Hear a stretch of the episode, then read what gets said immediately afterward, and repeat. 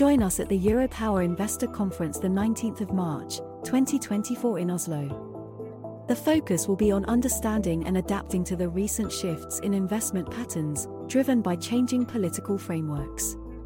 See investor.europower.no for information.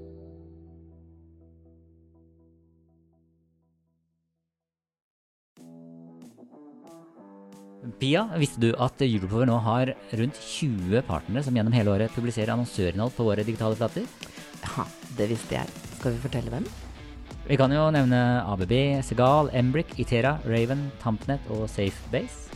Men kan vi ikke også nevne da NTNU Energi, Hafslund Oslo Celsio og Energi, Fornybar Norge, Skagerrak Energi og Eveny? Ja, så er det jo mange flere også, eh, men dette var nok reklame. Du kan bli mer kjent med våre partnere på partner.europower.no. Sånn. Da går vi i gang med podkasten. Gjør vi ikke det? Jo, helt enig. Du lytter til Teknologioptimistene fra Europower Partner.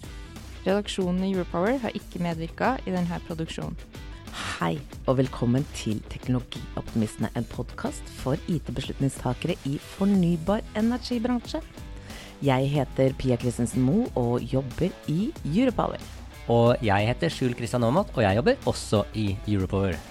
Med oss her i studio i dag så har vi Lasse Jamp, Vice President Renewables and Utilities fra Kongsberg Digital. Velkommen. Takk. Lasse, vi starter med et veldig enkelt spørsmål. Hvem er du? Ja, eh, først og fremst takk for invitasjonen.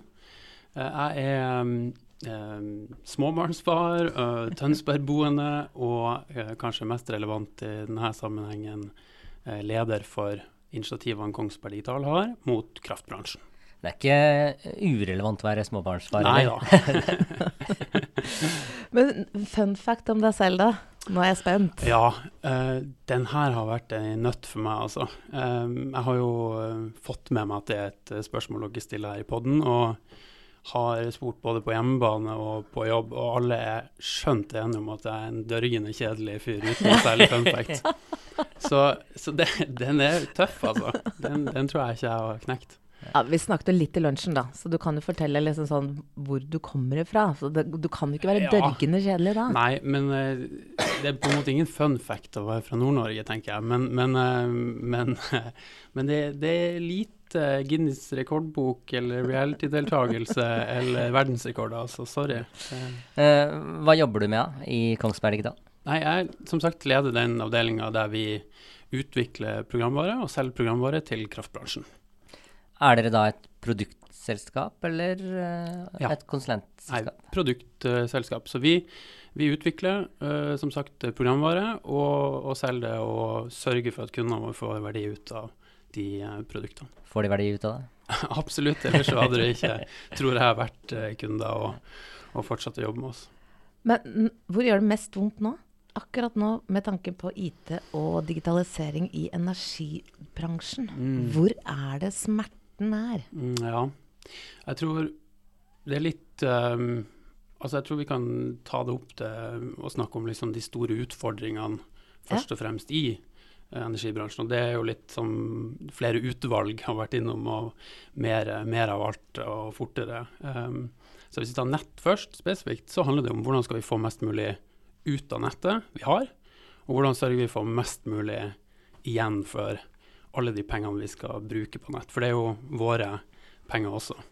Eh, og liksom bak det da, så kommer jo det digitale. Hvordan kan digitale produkter og tjenester sørge for at, eh, at vi løser de her problemene vi står overfor? da? Uh, vi hadde For uh, ja, et par episoder tilbake så hadde vi uh, øverste ansvarlig for IT i Tensio Mm. på besøk. Og han sa det at rammevilkårene, altså regler, alt mulig, står i veien for digitalisering fordi man belønnes ikke for, for å ta risiko. Og det er jo medfører en viss risiko, det å digitalisere. Man belønnes egentlig stort sett bare for å bygge mer nett. Er det et bilde du også kjenner igjen, eller? Ja, um, Hilmar er en em, smart mann, Eh, Ja. så, så jeg stiller meg, stiller meg jo bak det. Og, og på en måte den reguleringa og de insentivene som nettselskapene opererer under, da, da, da får du det du måler. Um, men et annet aspekt i det handler ikke bare om regulering, men det handler om hvilken konkurransesituasjon de er i. De er jo naturlig monopol. Mm. Um, Det blir litt slapp da? altså, slapp, ja. Uh, du, du får i hvert fall en annen insentiv til å slå konkurrentene dine, som vi kanskje ser fra andre bransjer. Mm. Uh, Og innovasjon og digitalisering handler jo litt om å få en edge på andre, uh, og vinne. Og, og, så det, det påvirker nok kanskje litt. Så, så vil du si at noe av grunnen til at eh, nettselskapene ikke får det helt til, det er fordi at de ikke har insentivene der, altså de, ja, med monopoler osv.? Ville de fått det mer til hvis de også kunne kappa land og tatt hverandres eh, nettområder? Jeg vet ikke om jeg er helt enig i premisset om at de ikke får det til, men de, de får det i økende grad til, tror jeg. Og så tror jeg du har rett. Jeg tror en del av forklaringa ligger i regulering, og en del av forklaringen ligger i kulturen med at eh, vi har vårt eh, konsesjonsområde og ferdig med det. Um, apropos sånn kapping av land, så ser vi jo nå at det fusjoneres jo holdt på å si, Ja, bokstavelig talt ja, øst og vest. To, To stykker de siste par månedene. Så, Ikke sant? Ja. Sånn at eh, det er klart at eh, de små eh, vil nok eh, slite med å Mm. ta de løftene på det digitale som de større kan, og da blir på en måte Er bra, større. er det bra for Kongsberg Digital at vi får disse fusjonene, fordi det er lettere å selge inn større Ja. eh, pakker til større selskap? Det vil jeg si. Eh, det, du får, eh, tror jeg, bedre kjøpere av tjenesten. Um, bedre jeg, kravstillere. jeg tror jo det også, at, det- at det går ikke bare på de insentivene som vi snakker om her sånn nå, det går vel også på ressursene. Et mindre nettselskap og et lite nettselskap har jo ikke de samme ressursene, så de blir jo prekket på egentlig, og de får beskjed om at her kan dere bygge ut nett, istedenfor å ta det mer digitale. Så jeg tror det er noe som ligger der også, så vi får egentlig bare heie på, tror jeg, at, vi, at det er flere nettselskaper som slår seg sammen. Ja, og, og sant, vår eh, si, hjemmebane i Kongsberg og Kongsberg Digital er jo olje og gass Mm. og maritim industri. Der er jo aktørene vesentlig større enn en norsk nettbransje. Sånn at eh, jeg er helt enig. Jeg tror det er en, eh, et bra utviklingstrekk for oss i, i Kongsberg Digital. Um, men hva, hvis vi går da videre, nå nevnte du da olje og gass, så hva kan den fornybare bra bransjen lære av olje- og gassbransjen når det gjelder IT? ja, Bruker masse penger. Aldri si nei. Sku, nei da. Det, eh, jeg tror, og nå er ikke jeg noe eh, ekspert på, på IT i olje og gass, og der skal jeg litt, være, være litt forsiktig hvor mye jeg sier. Men, men det er klart, de kan nok eh, lære av effektene mange har sett og ser i olje- og gassbransjen av litt større digitaliseringsinitiativ. Mm. Det er klart at effektene der er også større fordi at det her er større selskaper. Det, her, det er større penger.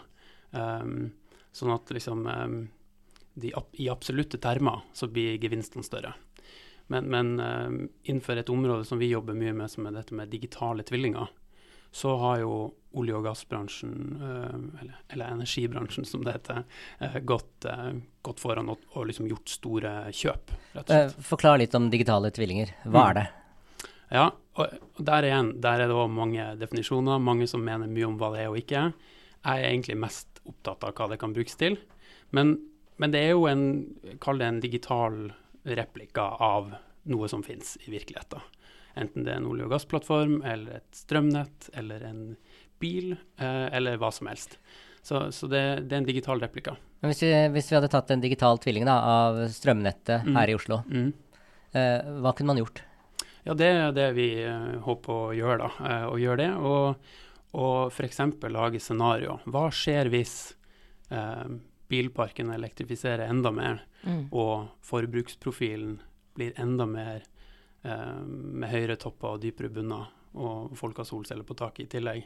Så, så da kan man simulere med ulike scenarioer eh, mye bedre enn man, man kan uten.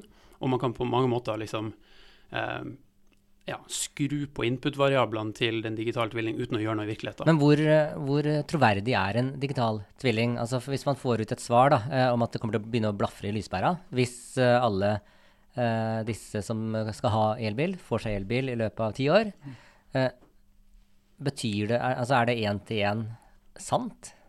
Altså, En tvilling impliserer jo at det skal være en form for eh, tett kobling mellom det du skal lage kopien av. Så, så hvor kopi er jo ofte noe som vi jobber med og, og diskuterer med disse nettselskapene. Mm. Er det en fjern slektning, eller er det en tvilling? Ja. Eh, og og det, begynner, det begynner ofte som en fjern slektning. Ja. Og det handler noe med datakvalitet og hvilken data man får tilgang på og sånt.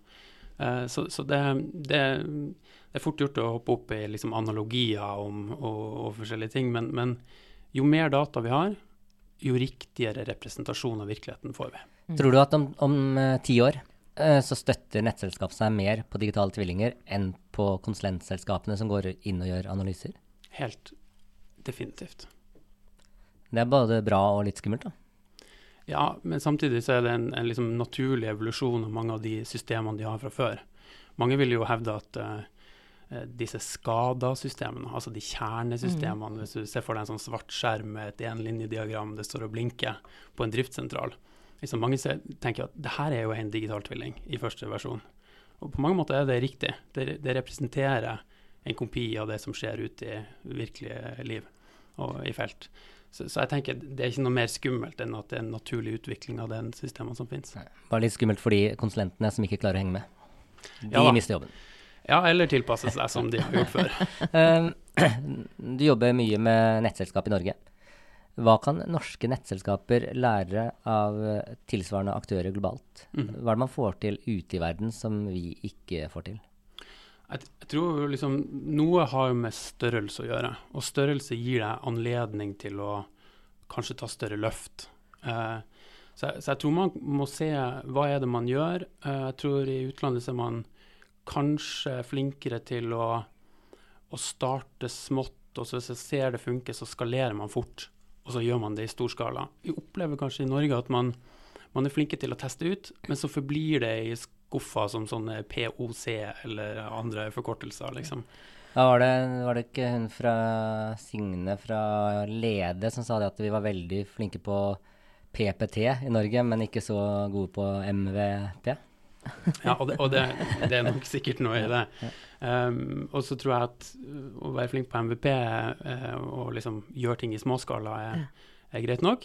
Og der uh, tror jeg norske nettselskap blir stadig flinkere. Men så handler det om å ta det derfra til storskala. Og ikke bare fra forskning- og utviklingsavdelinga, men over i driftsavdelingen. Og det gapet synes å være litt stort noen gang. Men hva, da- hva kan det globale nettska nettselskapene lære da, av eh, norske nettselskaper? Ja. For vi ligger langt fremme. Helt, helt klart. Og, og vi ser jo, vi er i dialog med masse store eh, internasjonale nettselskap som også har nett i ulike land. Og det er jo litt Mm. spesielt, det er mange Ja. konsern som har det. Um, og det er store forskjeller på datatilgjengelighet, på datakvalitet, på hvor holdt på å si, digital man er, Mm. og hvor, hvor fremoverlent man er. Og jeg opplever egentlig at de norske og, og nettselskapene er ganske fremoverlent, og, og har egentlig mye bedre data og datatilgang og kvalitet enn en mange andre land, og nettselskap i andre land. Så, så um, det, det er ikke bare sorgen med, med norske nettselskap som man får inntrykk av noen gang. Men er det sånn at de da kan um, Er det det du sier, at når de da er At de glo globale nettselskapene faktisk kan ehm, være litt mer vågale, sånn som de norske, da? For det er sånn som du sier nå, at de har jo en god eh, datatilgjengelighet. De har gode data som de da bruker. Eh, er det rett og slett at eh, de norske nettselskapene litt, har litt mer eh, kraft, da? Og er litt, eh, litt bold? Ja, jeg tror, jeg tror de, mange av de internasjonale nettselskapene har jo opplevd problematikk som ikke vi i Norge har gjort. Ikke sant? Med, med flaskehalser og, og mye, sant? en annen problematikk knytta til utfall og, og, og ja, andre problemområder som vi tidligere har måttet snakke om på PowerPoint. De er jo nå etter hvert begynt å komme til Norge. Det, det ikke, du skal ikke veldig mange år tilbake i tid før det var ganske smooth sailing. Og man snakka ikke om flaskehalser, eller man snakka ikke om eh, problematikk med tilknytningskø. Ja. Det, det, det er et ganske ferskt eh, begrep, faktisk. Så, så nå kommer det fort, den problematikken. Og de norske nettselskapene de er heldigvis relativt godt rigga sammenlignet med mange andre internasjonale. Og, og jeg opplever at nå er nå trenger ikke vi å skape problemer på PowerPoint, nå, nå ser vi det. Eh, jeg har tidligere vært med selv å internasjonalisere et softwareselskap i olja. Og da satt vi på ryggen av eh, oljeselskapene ut i verden. Og oljeselskapene hjalp oss uh, skikkelig. Uh, og, og, nå sitter jeg i i et selskap der vi gjør det samme. Uh, et selskap som har signa med Equinor, og så skal de bli med ut i verden. Det, Kongsberg Digital også lykkes med internasjonalisering. men hva skal til for å lykkes med internasjonalisering i, i en bransje der nettselskapene i Norge ikke går på tvers av Altså, du kan ikke sitte på mm. ryggen av Øvre Eiker ut det globalt. Og, og, sorry, Arne, Arne Antomoen. Eh, vi skal invitere deg inn i poden også. Men, men, du kan ikke sitte på ryggen til Øvre Eiker ut uh, globalt. Nei, nei, Hvordan kan man gjøre dette? Nei, de skal sannsynligvis ikke ekspandere eh, internasjonalt. Meg bekjent, i hvert fall. Men eh, nei, man må jo, man må jo lage gode eh, kundesuksesshistorier være flink til å dokumentere det, ta det med. Og jeg opplever at nettbransjen, kanskje også gitt at de ikke konkurrerer med hverandre direkte, er veldig åpen og deler med hverandre. Så gjør du en god innsats hos et nettselskap, mm. så, så, kan det spre seg fort, og de er velvillige til å snakke om sine eh, opplevelser til andre. Så selv om det ikke det er den kunden som bryter nytt, ny mark, nytt land, så er de veldig villige til å dele med andre, fordi at de, de er jo ikke i konkurranse. Hvilken rolle spiller standardisering eh, med tanke på det å lykkes globalt? Ja, det er jo for oss eh, kjempeviktig. Altså et produkt som har som formål å sammenstille mange ulike typer data og lage uh, nyttige verktøy på toppen av det, da, da er det en, en, gave for oss hvis det gjøres jobb på standardisering, sånn at vi slipper å finne opp, uh, finne opp alt hver gang vi kommer til en ny kunde. Jøss, har dere dokumentert det på en serviett? Ja, ha, spennende. uh, så, sånn at um, um, Det er kjempeviktig, og det er veldig bra om det gjøres. Det gjøres jo litt for lite av det, altså etter mitt skjønn. Um, men, men, kanskje tilbake til Norge, da. Særlig her er vi jo begynt å bli flinke på det. og dere har hatt Lars her fra Diggin tidligere, og det er et sånt initiativ mm. som vi eh, hyller og stiller oss veldig bak. Eh, du og kollegaen din deltok på scenen på Teknologioptimistene, energibransjens IT-konferanse i, i, november i fjor. og da, Der prata vi litt om lock-in. Eh, hvilke tanker gjør du deg i forbindelse med at teknologileverandørenes lock-in av kunder er noe som står i veien for samhandling og innovasjon? Mm. Jeg tenker lock-in har på en måte en du har en positiv lock-in, og så har du en negativ lock-in, eller, eller, i hvert fall en negativ spinn på det. Den positive er jo hvis, hvis kunden er så fornøyd med produktet ditt at, at de, er, de, vil ikke det som vi kaller churne, fordi at de er, de er fornøyd, de får verdi av det. Og du har kanskje da i tillegg integrert med mange datakilder, som gjør at du blir et slags lim som blir mm. vanskelig å fjerne. Um, det er jo den positive måten å se på det. Den negative lock-in er jo der kunden kanskje ikke er fornøyd med systemet, men det systemet er så eh, viktig og så kall det elementært til det du driver med, og har så utrolig høy transaksjonskostnad ved å bytte, og byttekostnader, at, eh, at, du bare blir sittende fordi at eh, ja, det er for dyrt å bytte. Det, det er jo den som ja, noen kanskje opplever litt i Tror du at lock-in da står i veien for noe innovasjon i, i bransjen? Ja, det tror jeg. Uh, rett og slett. Hvilke store teknologivalg har eh, Kongsberg Digital uh, tatt de siste årene? Mm. Vi tar jo faktisk Altså, vi er et forholdsvis um, ferskt produkt, ikke sant. Og, og, og den uh, løsninga vi har inn mot nettbransjen, da. Um, mm. Der begynte jo vi å skrive, skrive kodelinjen i 2018, og da tar du, du tar ganske mange teknologivalg, altså nesten uh, altså om ikke ukentlig, så, så, kanskje i hvert fall kvartalsmessig, da. Så, så, vi tar mange teknologivalg. Men hva er det som har vært spesielt vanskelig da, da? Er det rett og slett også, når du sier at dere startet i 2018, mm. skrive ned den første eh, koden? Det som, er, det, som det som, er, vanskelig, er alltid å, å, å, gå tilbake og erkjenne at vi tok feil og måtte ta den, den runden med å bytte noe. Ja. Eh, som, som det kanskje, er vondt. Det. Det, er, det er klart ja. det. Men hvis du ikke gjør det, så blir det vondere. Så det er liksom uh, Det handler om at uh, det er aldri et godt tidspunkt, men, men, uh, men noen er faktisk bedre enn andre tidspunkt. Ja. Så, så. Det er vel de som ikke tør å legge ned noe.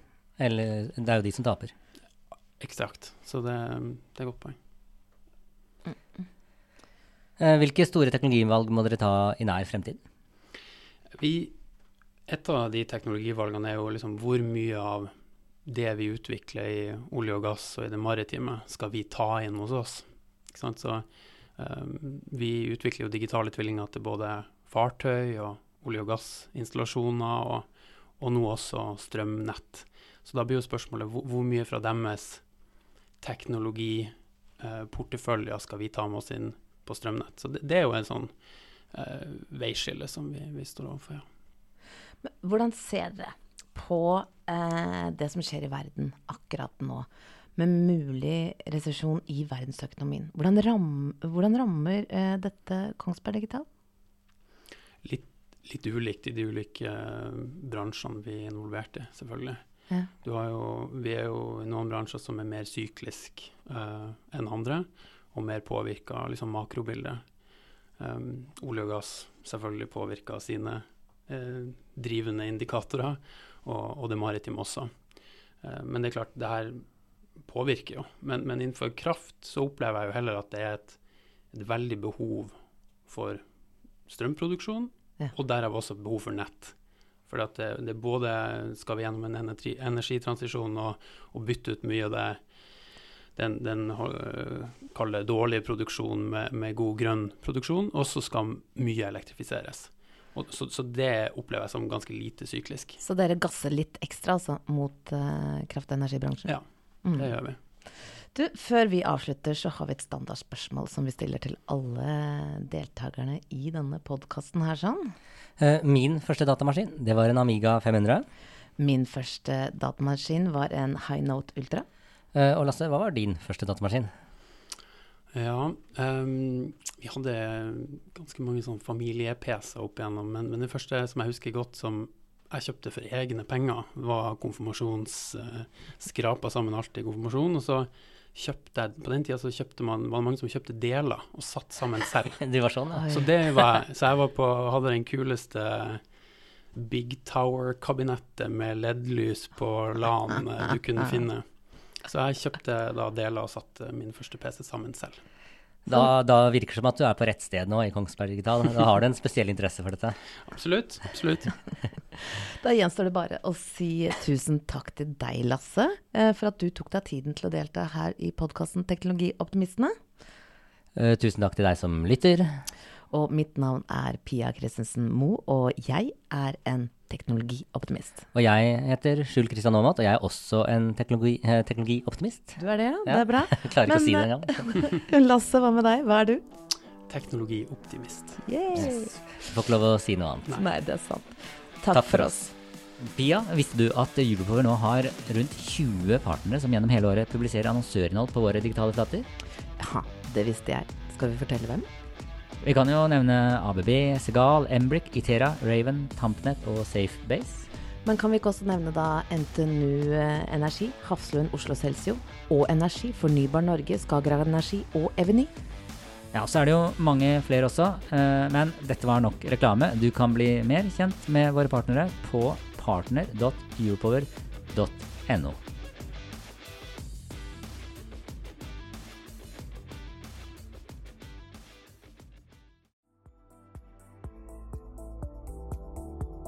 Join us at the Europower Investor Conference the 19th of March, 2024 in Oslo. The focus will be on understanding and adapting to the recent shifts in investment patterns driven by changing political frameworks. See investor.europower.no for information.